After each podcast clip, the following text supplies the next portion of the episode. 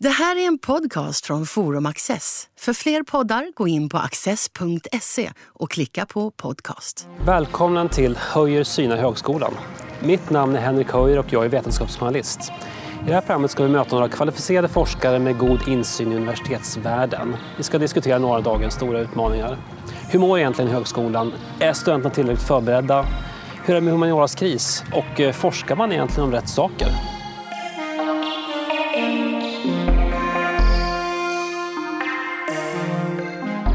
Behövs universiteten i dagens utbildningssituation? Är de ändamålsenliga eller lider de av trendkänslighet och politisering? Det ska vi diskutera med dagens gäst Sharon Ryder. Hon är professor i teoretisk filosofi vid Uppsala universitet. Sharon Ryder, är de svenska universiteten ändamålsenliga enligt dig? Jag säger kategoriskt ja. Ja, okej. Okay. Förklara. Delvis beror det på vad man menar med universiteten. Jag menar, det svenska högskolelandskapet har blivit ganska diversifierat och förutsättningarna, förutsättningarna skiljer sig. Um, målen med verksamheten skiljer sig åt. Och då går det inte riktigt att säga någonting definitivt om hela det här heterogena landskapet, för att börja med.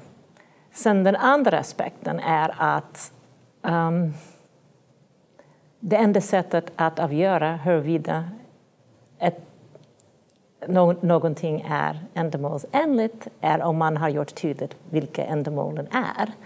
Forskarutbilda? Det är, for, forskning och forskarutbildning är ett mål för det moderna universitetet. Um, men för till exempel vissa regionala högskolor är det inte det viktigaste. Utan de ägnar sig mycket åt professionsutbildningar, yrkesutbildningar. Och det är också viktigt. Det också har varit en väsentlig del av universiteten sedan medeltiden. Så om det är betoningen på det, då är forskningsaspekten den faller lite grann i skuggan, av goda skäl. Man kan säga att det är vanligt att de två ändamålen som står i fokus. Um, jag menar att det finns en tredje, ett tredje och nog så viktigt ändamål och det är förutsättningarna för att hantera sin omvärld. Okay. Som man kan kalla för, som den stora spanska filosofen Ortega Gasset kallade för allmän kultur. Och allmän kultur, det är väldigt viktigt att man förstår, det är inte någon pynt. Det är inte som man menar, ja, de som läser farmakologprogrammet ska dessutom läsa lite franska och lite konstvetenskap. Utan han menar att de ska förstå till exempel farmakologins historia. Hur man kommer att börja fundera på vilka kemiska föreningar har vilka sorters påverkan på den mänskliga kroppen och så vidare. Vilka teoretiska överväganden gjordes och varför, i vilket sammanhang. Och um, de ska lära sig att på något sätt vad de kan lära sig om hur vi har hamnat i den vetenskapliga, kulturella, politiska, sociala, ekonomiska situationen vi har hamnat i och vilka um, tankegångar har vi har haft som har lett fram till detta, så de lär sig hur man tänker. Är det här något som kallas för bildning? Ungefär? Ja, jag försöker, jo, jo, jag gärna kallar det för bildning, men det ordet tyvärr har blivit förknippat med ett slags um, borgerlig finess i salongen eller någonting. Och det är inte alls hur Ortega tänker sig. Det, inte, det handlar inte om att kunna föra sig i salongen, det handlar, om att kunna föra sig i sin omvärld och sin samtid. Men du skriver nu en bok om universitetets idé. Vad kan man säga, vad, vad ska vi ha universiteten till? Enligt dig? Ja, jag tycker universiteten kom till för dessa tre saker vi har diskuterat. I någon mening, inte forskning kanske i vår nutida bemärkelse, men det kom till för att åtminstone upprätthålla och föra vidare det man kunde och utveckla vidare. Skolastik ändå handlar om ett slags utveckling. Så i, i någon mening fanns det något som liknar, om inte forskning, vetenskap redan på medeltiden. Det, det, man har en uh, ganska karikerad bild av det medeltida universitetet. Det fanns mer där än man tror. Men det var det, och sen framförallt professionsutbildningen. Man skulle bli läkare, man skulle bli präst, man skulle bli jurist. Och då tänkte man, men under allt det där, om man ska, man ska ha en sån viktig uppgift så som att ta hand om den mänskliga lagen eller människans förhållande till Gud och sin medmänniska eller den mänskliga kroppen som är ändå själens tempel, då måste man ha, måste ha någon idé om vilken, vad världen består i. Och då måste man läsa lite den tidens vetenskap, fysik och matematik um, och uh, musik ansågs vara viktigt, grammatik, retorik och så vidare. Man måste ha något slags grund att stå på, tänkte man. Och det är den här grunden jag kallar då för allmän kultur. Och jag blir lite orolig att man inte förstår vikten av detta eftersom man hör från alla möjliga håll och kant den här idén, men vi har inte råd med sådana ämnen. Men om vi inte har råd med um, att, att kunna vår egen historia, att förstå hur den politiska sfären är um, beskaffad, uh, hur det mänskliga tänkandet har utvecklats över tiden och så vidare. Om vi inte har råd med det, det är nästan som att säga vi har inte råd med att lära um, studenter att tänka, utan de ska bara lära sig hur man utför och implementerar den kunskapen vi redan har. Men om man gör så, då har man så att säga begränsat vetenskapens möjligheter att uh, utvecklas vidare. Har universiteten varit dåliga på den här uppgiften du beskriver, som jag kallar för bildning, som du vill kalla någonting annat? De har klart blivit sämre på det. Varför då? Man vill vara till lags inför intressenterna, så att säga. Man tänker sig att uh, um, man tänker på studenterna som ett slags kund eller konsument. Man tänker på det lokala, regionala näringslivet som en väldigt viktig samarbetspartner. Man tänker i termer av, av alla som har ett intresse i vad universiteten gör måste ha lika mycket att säga om det. Men i slutändan, vad som händer då är att man glömmer bort att vad som är viktigt vad som är viktigt för ett samhälle eller för vetenskap är inte något slags... Um, det handlar inte om att vinna en förhandling. Man kan mycket väl förlora förhandlingen och ändå vara den som har rätt. så att säga. Och jag tror den här bristen av förståelse av vikten av visa, en viss sorts träning är, um, gör att man förstår inte eftersom man själv har inte den bildning, om du vill kalla det så, förstår man inte vad som går förlorat om vi inte erbjuder det. Men har det att göra med att man har sämre självförtroende i universiteten, att inte stå för sin sak, tror du? Eller vad beror det på? Universitet, så, um, den som grundade the University of California system, Clark Kerr, som är väldigt känd för sin blueprint for the California system, um, han myntade begreppet multiversity, idén att universitetet är inte juni längre, utan det är multi. Det är många intressenter, det är många funktioner och uppgifter som universiteten har och då kan det hända att inom universiteten, universiteten att det finns olika viljor som står ganska mycket i konflikt med varandra. Och, eh, så jag tror inte att, att universiteten har dåligt självförtroende. Jag tror de är oftast gott självförtroende. I Sverige åtminstone Lund, och Lund och Uppsala och Stockholm har gott självförtroende. Och det har Karolinska också och eh, eh, uh, KTH. Um, så det är inte självförtroende, men det är att man törs inte argumentera sinsemellan för vad man ska vara, vad man ska finnas till för.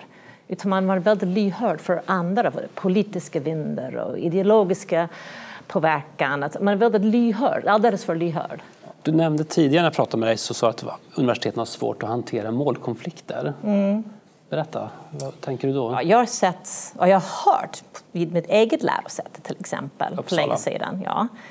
Uh, det var ett tag då man insisterade från ledningssidan det finns, att det inte finns någon som helst konflikt mellan bredd och spets. Och uh, det gör det. Alltså, om man ska vara väldigt elit eller elitistisk, det kan man vara, man kan väl göra det, men då kommer man inte ha samma bredd. Um, och då kommer man inte... Det, det visat sig väldigt svårt för de här lite lärosäten att verkligen ta vara på um, begåvningsreserven, som det hette en gång i tiden i, i Sverige. Förr i världen funkade det i Sverige, men, men problemet är ju som man tänker sig högskolelandskapet som en marknad och då man, man, man, vill ha, man måste rikta in sig till vilken del av marknaden man vill konkurrera i. Och ska man konkurrera med Stanford då måste man ha helt andra förutsättningar när det gäller urval av studenter, när det gäller vilka administrativa uppgifter man lägger på sin, sina lärare och forskare och så vidare. Man kan inte ha allting. Man måste, man måste erkänna att det finns begränsningar på vad, vad som är praktiskt möjligt. Och då kan man tänka sig mer varierat högskolelandskap i Sverige där vissa högskolor har vissa uppgifter och andra har andra. Men idén att alla ska kunna göra allting, det, det, det är ohållbart. Har vi för många universitet i Sverige? Det här att alla ska få vara i universitetet, man kan fråga vad man egentligen... Jag förstår att regionalpolitiskt är det intressant, men jag förstår inte riktigt... Eh, jag vet att i alla fall OECD anser att Sverige har för många universitet. Um, men nu har vi de universiteten vi har. Så, um, men det, jag önskar att Sverige insåg att man kan ha nog så välrenommerade, högaktade lärosäten som inte har forskarutbildningen. De så kallade liberal arts colleges i USA visar de är jättefina, välansedda. ha sin filkan från eh, ett ställe som Williams College eller um, Haverford, de här små elita um, nordöst, det är mycket värdefullt. Du har också varit kritisk mot att universiteten blivit för trendkänsliga, man har trendiga kurser och så. Berätta. Jag egentligen hänvisar till andra som säger det. Jag, jag, jag är inte så kritisk, det beror på varför. Jag menar, man har en tendens både när det gäller forskning och undervisning att inte vilja missa tåget, så att säga. Och då hoppar man på saker utan att ställa sig frågan, men vad är vi bäst på? Vad kan vi vad har vi här där vi är, oavsett om det är Uppsala, eller Falun eller Borås? Vad har vi? Vad är vi bra på? Vad kan vi bidra med? Istället för att tänka sig att alla måste åka på, i samma vagn på samma tåg. Det har, det har blivit mindre attraktivt att forska och vara forskare i Sverige. Har du det beror på vem. Jag menar, vad jag är mest orolig för det är en viss sorts person som är väldigt lämpad som forskare som väljer bort det för man tycker att det blir för mycket av en bara en tävling. Bara rent tävlande. Hur många citat kan man få i vilka topptidskrifter? Är man inte tävlingsinriktad i den meningen man är kanske bara intresserad av saken, själva frågan man vill forska i. Men det finns lite, för lite tolerans för den sortens eftertänksamhet. Och jag känner väldigt duktiga studenter jag har haft som tänkt nej men det är för... Jag vill göra det jag är bra på så gott jag kan, men att bara jämföra med andra och klättra i rankningar. Det, det är för mycket konkurrensmani? Eller vad ja, det är precis. Att, att, konkurrens för dess egen skull. Varför har det blivit så? Delvis tror jag, och jag är ingen expert i det här, men jag tror det har lite att göra med um, medialiseringen av uh, den högre utbildningen.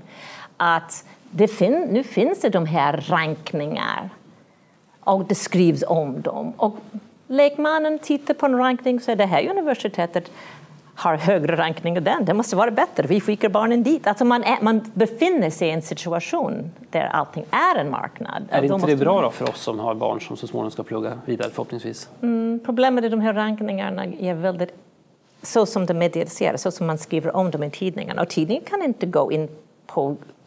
Eller de ibland till och med gör de säger men så här gick den här um, rankningen till. Men de flesta går inte in i det och tittar på det. Och framförallt har inte möjlighet att granska um, hur sådana kalkyler görs. Och jag tror att de är ganska tveksamma, de här kalkylerna. Om jag kan bara ge ett exempel varför det är problematiskt. Så, um, en, jag vet inte om det är fortfarande så, men för, för några år sedan, den här Shanghai-rankningen som är väldigt viktig, inflytelserik rankning, um, de hade som, um, de hade som eh, faktor för hur framgångsrik och bra universitetet är eh, eh, antal internationella studenter som läser vid lärosätet. Men det blev så här också att vissa länder, till exempel Kina, under en period, jag vet fortfarande gäller, jag tror det, skulle bara ge statliga stipendier för att läsa utomlands om studenten valde ett av de topp 100. Så för att komma i de topp 100 måste man ha många internationella studenter.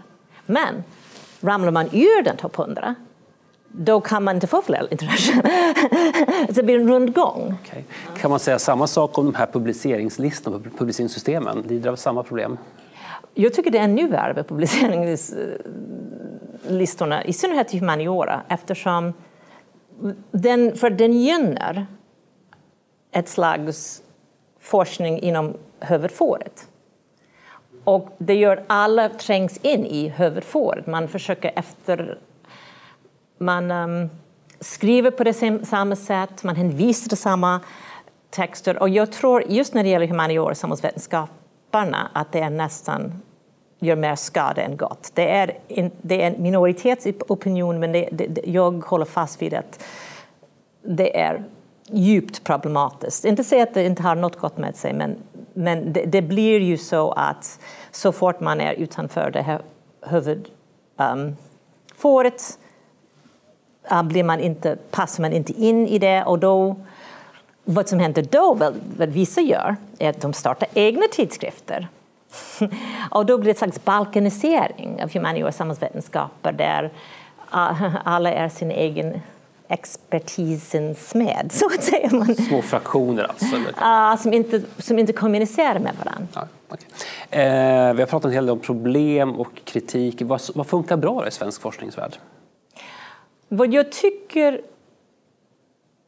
funkar bra är att man i alla fall försöker på de stora lärosäten så gott det går um, ger lärarna, alla lärare, så gott det går, någon möjlighet att förkovra sig. Som innebär att man får något slags någon form av samband mellan forskning och utbildning. Det, fungerar absolut inte överallt. De här regionala lärosätena har svåra problem. Och jag tror att det är en alltför stor andel av forskning som är um, um, externt finansierad för att kunna upprätthålla den här um, ömsesidigheten där forskning och utbildning berikar varandra. Finns det en ökad politisering av forskningen idag, tycker du? På det sättet att den dagsaktuella frågan, i alla fall i samhällsvetenskap och humaniora, att det är dagsaktuella frågor som, um, och tendenser inom forskning som får um, har lättare att hävda sig i konkurrensen, inte på grund av någon akademisk excellens utan på grund av det det som man ropar efter. Och ibland jag tycker man ska förstå att ibland behöver samhället saker den, in, saker den inte ropar efter, men det ändå behövs. Du var verksam som forskare själv, filosofisk forskare väldigt länge. Har du bytt uppfattning i några viktiga forskningsfrågor under ditt liv? Ja, jag tror när jag var yngre tyckte det var en poäng med upprätthållandet av disciplinära gränser. Ah, um, men nu anser jag att igen, det har gjort mer skada än gott. Att uh, jag skulle gärna se att alla, samtliga um, ämnesspecifika tidskrifter tas bort och ersätts av stora tidskrifter för humaniora och samhällsvetenskap där man, där man faktiskt diskuterar större frågor med varandra och inte um, låser in sig bakom en mur av uh, lokala ämnesmässiga um, konventioner. Förlorar man inte i spets då om man alla ska prata med alla? Ja, det är det de säger. Men jag vet inte om Kant förlorade i spets, Descartes förlorade i spets. Jag menar, det är klart, i någon mening, när det gäller naturvetenskaperna man kommer inte ifrån behovet av en viss sorts specialisering. Men jag har inte sett något bevis på att dagens... Att, uh, I termer av djup, att dagens statsvetenskap är bättre än Machiavelli eller Hobbes. Eller Mer data? Mer data, ja. Men det är inte, data är bara så intressant som man gör med det. Men bättre statistiska metoder att analysera ja, data? Så här, statistik är väldigt användbart och om det används på rätt sätt. Men det inte, statistik ger aldrig svar på frågan vad bör vi göra till exempel. Eh, vad tror du om den nära framtiden för svensk universitetsvärlden? Åt vilket håll är riktningen? Um, en tendens är ju väl att alla ska läsa högre utbildning. Och då tycker jag det är väldigt viktigt då att vi återgår till din inledande fråga. Om nu man vill att egentligen mer än hälften av varje årskull, helst de flesta, ska någon gång befatta sig med högre utbildning. Då är det väldigt bra om man vet vad man vill. Varför vill man det? Vad är det man tror de ska få ut av det? Vad ska samhället få ut av det? Så jag fortfarande än så länge tror på den högre utbildningens um, värde. Um, men, men, man måste ha bestämt sig vad man vill uppnå med det. Är det bra att varje, hälften av varje kull går på universitetet eller högskolan? Det beror på hur man gör det. kan vara jättebra. Men, så till exempel, man kan tänka sig att man um, har ett system som, så som det gamla Kalifornien-system som tyvärr har krackelerat något. Men om man tänker sig att det kan finnas lokala högskolor som verkligen delvis erbjuder yrkesutbildning men också den här allmänna kulturen jag pratade om. Så de läser verkligen att skriva och läsa komplicerade resonemang, att kunna tänka själv. De, de får det ett par år och sen finns det större möjligheter rätten för den som kan och vill att slussas vidare till en längre utbildning. Um, så det ska finnas rörlighet i systemet. Så jag kan tänka mig att det är jättebra så länge man har bestämt sig för vad man vill med det och varför. Och um, bara att ha ett, ett slags tilltro till att de som läser uh, en filkand är anställningsbara, så funkar det inte längre.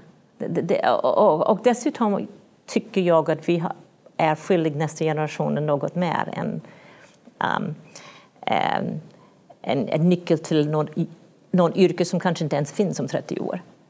Som de kan börja, börja på nu. Alltså vi måste ha lite mer fantasi och samtidigt lite mer um, beredskap att förstå att vi kan inte säga hur livet kommer att te sig om 30 år. Det finns mycket som ungdomarna ska kunna förutom något slags befintligt yrke. Jag förstår. Har en sista fråga. Har du något råd du skulle ge till Matilda Ernkrans som är minister för högre utbildning och forskning? Hur forskningen och forskarvärlden ska, universiteten ska förbättras i Sverige? En sak jag vill slå fast vid är att man ska erinra sig alltid att okej, okay, förvisso är um, universiteten myndigheter och lyder under de lagarna som alla myndigheter lyder under. Förvisso universiteten också avtalspart i olika sorters samverkansprojekt och så vidare. Forskningssamfinansiering och så vidare. Visst, de har må många olika roller men låt oss inte glömma att huvudrollen är utbildning och forskning. Och man ska inte bara fatta beslut på, som, som rör forskning och utbildning utifrån andra um, önskemål från politiskt håll eller ens ekonomiskt håll. Det ska ändå handla om de här huvuduppgifterna. Det är de, deras förutsättningar som ska styra styra. Och sen får vi se till att vi också följer alla lagar och förordningar. Men man ska inte stoppa in en massa uppgifter som, för, för lärosäten som undergräver deras um, förmåga att erbjuda högkvalitativ forskning och utbildning. Stort tack Sharon Ryder. Tack för att du ville komma hit. Tack och tack för att ni har tittat.